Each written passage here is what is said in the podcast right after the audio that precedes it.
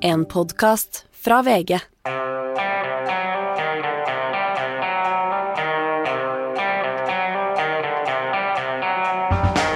Russerne med storoffensiv mot Odessa og Mariupol. EU beskylder dem for massive krigsforbrytelser. Og England kjører i gang med fjerde vaksinedose. Når kommer den britiske bølgen til Norge? Dette er Gjever og gjengen, og det er mandag den 21. mars. Ja, øh, Per Olav, ES, EUs utenrikssjef Josef Borrell fordømmer i sterke ordelag Russlands angrep på den ukrainske byen Mariupol. Russland begår krigsforbrytelser. Det som skjer i Mariupol er en massiv krigsforbrytelse, sa Borrell da han ankom EUs utenriksministermøte mandag morgen. Og hva er det som skjer i Mariupol nå? Ja, Det har jo pågått i over tre uker. Den byen ble jo tidlig utsatt for massiv, massiv angrep med artilleri og raketter, og også bakkestyrker som rykket fram på alle kanter.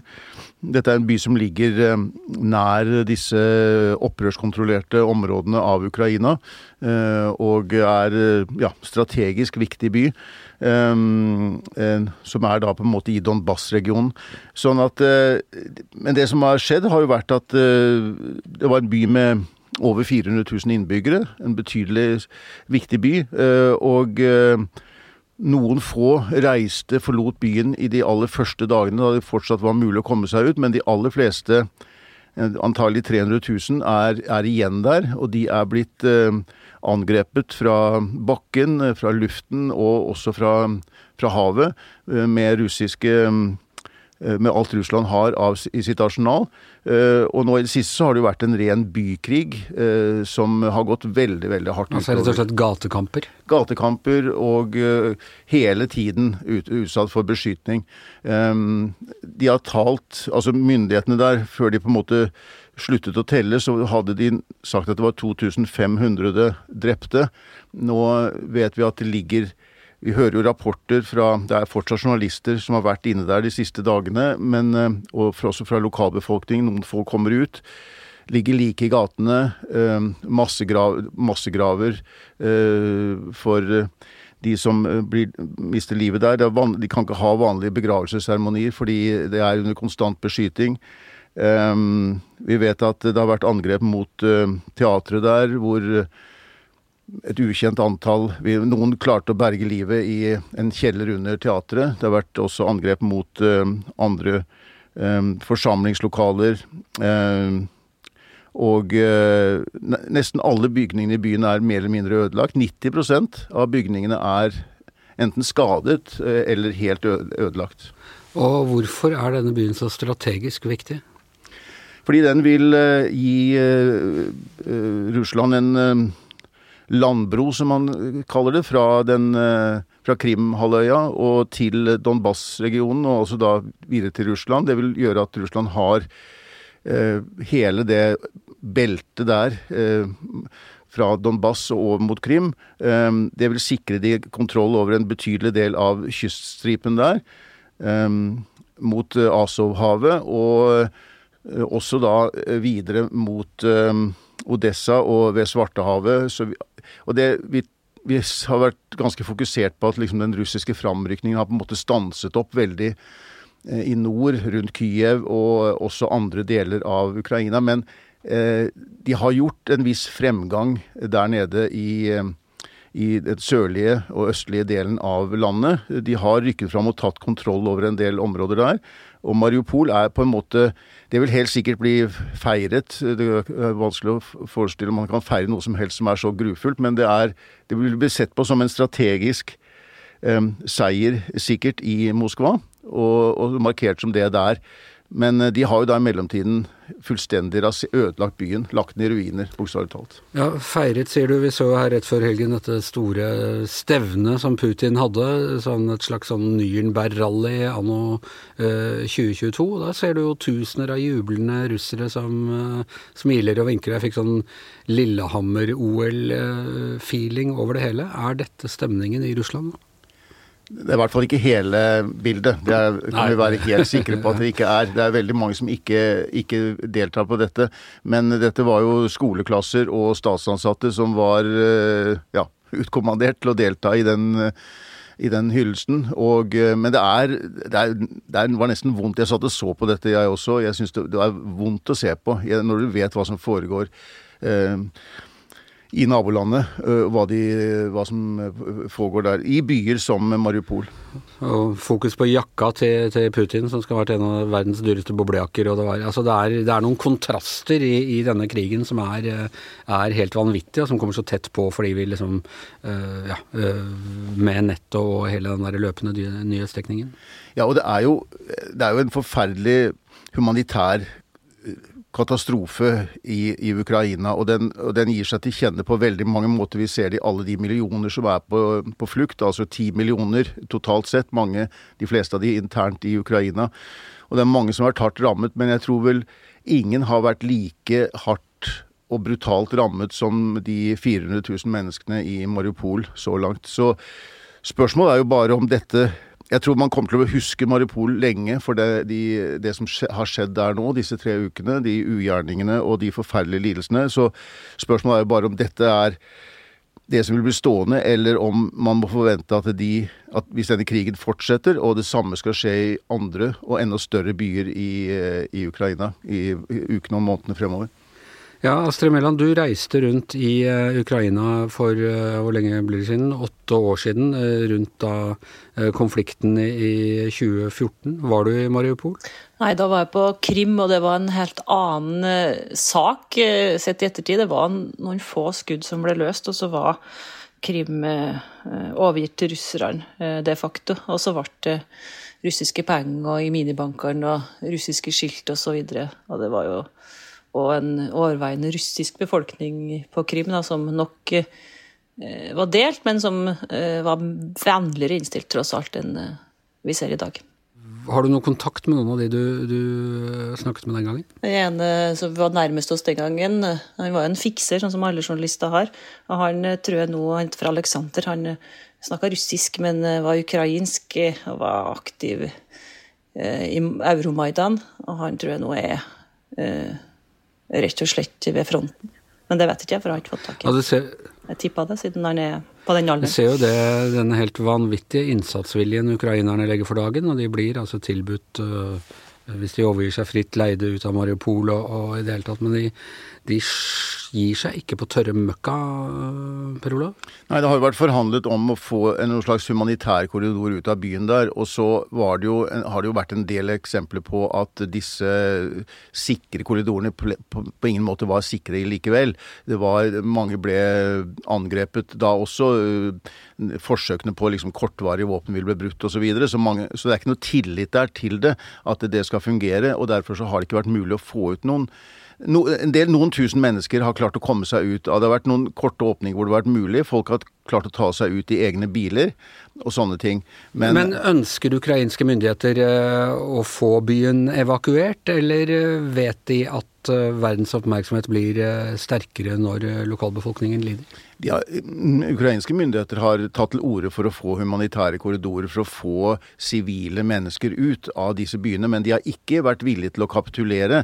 Og nå, de et, eh, nå fikk de et ultimatum i går, eh, at hvis de, hvis de ga seg innen daggry i dag morges, så, så ville um, Og de heiste hvitt flagg osv., så, videre, så ville Russland, de russiske styrkene la de forlate byen så de kunne ta over. Uh, men det nektet jo uh, ukrainske myndigheter å akseptere. De vil fortsette. Og jeg, jeg frykter at dette kan gå en god stund. altså. Det er ikke, det er ikke, de har ingen til hensikt å gi seg eh, ennå. Eh, og jeg så en av disse opprørslederne der fra Donetsk som sa at det vil nok ikke være over på noen dager, og kanskje ikke en uke. Kanskje det vil ta enda lengre tid. Og de kjenner jo disse forholdene. De vet de vet det. De, de kjemper på russis, russernes side um, og vet at det ennå ikke er over. Vi, ja. ja. Hva er det andre ting som skjer denne uka, som uh, kan tyde på at uh, det går noen, mot noen slags konklusjon, eller, eller? Nei, altså, nå, had, nå det jo, finnes det jo en mulighet for oss å gå inn i forhandlinger før Eh, hendelser som, og angrep som Mariupol, at det gjentar seg over, og at dette bare fortsetter. Det finnes muligheter, og Tyrkia har jo jobbet eh, bl.a. hardt for å prøve å legge til rette for fredsforhandlinger. Det har vært uttrykt en viss optimisme om at partene har vært, eh, at det har vært bevegelse i posisjoner og sånn, men nå i formiddag så var jo Putins talsmann Peskov veldig tydelig på at det er ikke noe grunnlag for noe møte mellom Zelenskyj og Putin nå. Og det var heller ikke aktuelt med noen våpenhvile nå. Sånn at foreløpig så fortsetter krigen. og arbeidet Det er fortsatt forhandlinger, men på et lavere nivå. Og ingen som kan da vite, eller som kan si når det kan bli eventuell en større fredskonferanse mellom eh, eh, Ukraina og Russland. Ja, ingen gode nyheter der, altså. Ok, vi skal snakke om uh, noe annet, for så vidt også alvorlig, men det meste blekner jo for tiden. Men uh, Astrid, vi snakket så vidt om forrige uke en oppsving i uh, koronasmitte i Østen. Og nå ser vi altså at i England så kjører de i gang med fjerde vaksinedose for særlig eldre og, og spesielt uh, utsatte. Er det, er det, en ny bølge på gang, eller er dette bare en del av hva skal si, vedlikeholdet av folkehelsen i, i kjølvannet av epidemien? Nei, Anders, det er jo en ny bølge på gang i flere europeiske land nå.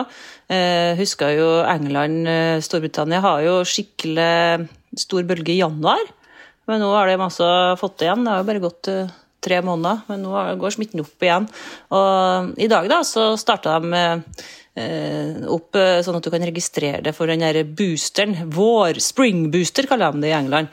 Eh, alle over 75 år og, og folk med bakkenforliggende sykdommer. Og det samme har vi jo gjort i Sverige for en tid tilbake.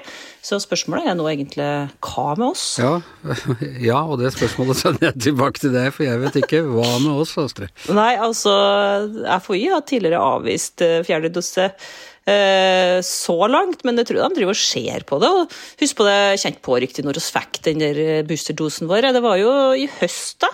Eh, for noen begynner det å bli ganske mange måneder siden. Kanskje et halvår, fem måneder for noen. og Jeg leste begrunnelsen i stad til Sverige for hvorfor de har bestemt seg for å gi en fjerdedose da, til de eldste. Og Det er fordi at de mener at effekten daler etter tre til fire måneder allerede. Eh, og de ser på Israel, der de har gitt en fjerde dose, der de har unngått en god del innleggelse, mener de, pga.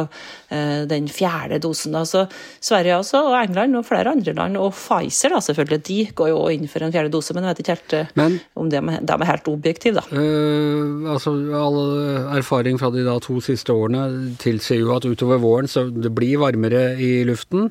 Uh, som Trump sa, 'it will disappear like magic', og det, det, føltes jo litt som det gjorde det sånn sommerstid. At de setter i gang med fjerde vaksinedose nå, hvordan skal det da gå til høsten, når vi de siste årene da har, har måttet stramme til noe voldsomt? Nei, vet du hva, Svenskene mener at eh, det uansett vil bli nødvendig med en femte vaksinedose til høsten for de utsatte gruppene. Så der vil ingen ende ta, tydeligvis, da. Eh, men eh, vi får nå se. Nå jeg tror du har rett i at smitten kommer til å gå an når det blir varmere. Men så er det en del som sier sånn at den kommer kanskje til å være her eh, i vintermånedene fram til mai nå, at den går litt opp og ned, bølger litt, sånn som vi ser. Tyskland har økende smitte, Frankrike har økende smitte, også England, da, Storbritannia. Og i Norge så er vi jo for så vidt litt godt stilt nå, for vi har hatt en sånn omikron-variant som heter BA2. Eh, vi, liksom, vi har pika på den, mens den, den, har kommet nå i England, ser det ut som, f.eks. Eh, og den har forandra seg såpass mye fra den eh, første omikron-varianten som kom fra Sør-Afrika. Så derfor, blant annet, så har England en økning i innleggelser og smitte nå. Ja, jeg hørte Nakstad på radioen her øh, igjen, og det, det, er, mulig at jeg er fullt dårlig med, men jeg har ikke hørt ham på en stund. Er, er det et godt tegn? Ja, Nakstad var jo ganske optimist eh, på radioen på NRK på morgennyhetene i dag. Eh, så vidt jeg det, i hvert fall. Når jeg snakker om radioen, så er det alltid NRK P2 på morgenen. Det er, eh, det er ikke noen annen radio for meg. Men det til side, som du sa, altså han, han hørtes jo ganske beroligende ut, han. da, At det vil komme og gå litt sånn småbølger, men, men jevnt over så er vi nå såpass godt beskyttet at det ikke er de, de, store farene. Men du Anders, det er to forskjellige ting. Eh, sånne helsebyråkrater er bekymra, og når jeg og du er bekymra. Ja. For han er det jo greit at eh, det ser jo bra ut, ikke sant? Eh, på, på samfunnsnivå blir færre innlagte, mindre press på sykehusene. Rett nok har det vært dødsrekord da, i Norge nå de siste fire ukene, uten at det har egentlig ført noe særlig oppmerksomhet. Men altså og det så kan det jo være litt annerledes at eh, det er jo en fare for at eh, vi blir smitta på nytt og på nytt, uten at vi trenger å bli så syke. Men det kan jo være litt stress. Vi har ikke noe god statistikk på det i Norge, men jeg hører stadig flere som har blitt smitta for andre gang i år av omikron, da antageligvis. Eh, for noen så har det gått bare fem uker imellom. Ja. Da er, jeg, da er jeg egentlig Nå er jeg fem uker, så nå er det bare å forberede seg på andre omikronrunde og fjerde vaksine. Det kan jo godt hende at den omikron du har, da, Anders, det var BA2, den undervarianten, og det er den som driver og surrer rundt nå. Det antageligvis eh, er det sånn at de som har fått det to ganger, de har eh, BA1 først, og så har han forandra seg såpass mye at du får BA2 etterpå. Men eh, ja, det der store spørsmålet er om det lønner seg å smittes eller ikke. Ja, det var liksom det vi fikk høre litt tidligere i år, men det spørs litt. altså, Det er litt usikkert. for det er jo ikke sikkert at de her forskjellige variantene gir så god immunitet mot neste. Det vet vi ikke. Ikke vet jeg hva jeg hadde, den presenterte seg ikke, men den var, en, det var en knockout i et, et, par dager i hvert fall. Ok, eh, vi får bare fortsette å, å følge med. Gjever og gjengen er over for i dag. Før vi gir oss, så skal vi mm, spille trailer fra, fra en av våre eh, kolleger som har en, en podkast ute om eh, krigen. Og hør på dette. Uh, jeg kan bare si totalt jævla kaos. Det, det var et brennende helvete. De gikk med norsk flagg og ropte navn til foreldrene mine med telefoner med bilder. I Alt fortalt-serien I krig forteller vi historier fra krigen som foregår i Europa nå. Det er fortellinger vi ikke alltid vet hvor ender. It was my fault, it was my fault, but we told her that it is not your fault, it is fault of that soldier who shoot in your house. Vi snakker med mennesker som er inne i Ukraina, Russland og rundt om i Europa, samtidig som konflikter går fremover. Tror jeg skal inn i leiren her nå, vet du.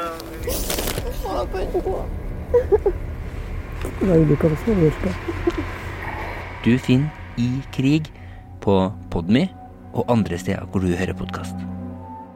Ja, og det sa altså vår gode kollega Askild Matre Aasrød. Og med det så er eh, Giæver og gjengen eh, over eh, for i dag. Her i studio Per Olav Ødegård. På linje Astrid Mæland, jeg heter Anders Giæver, og mannen som fortsatt ikke har hatt korona, er som vanlig vår usårbare produsent Magne Antonsen.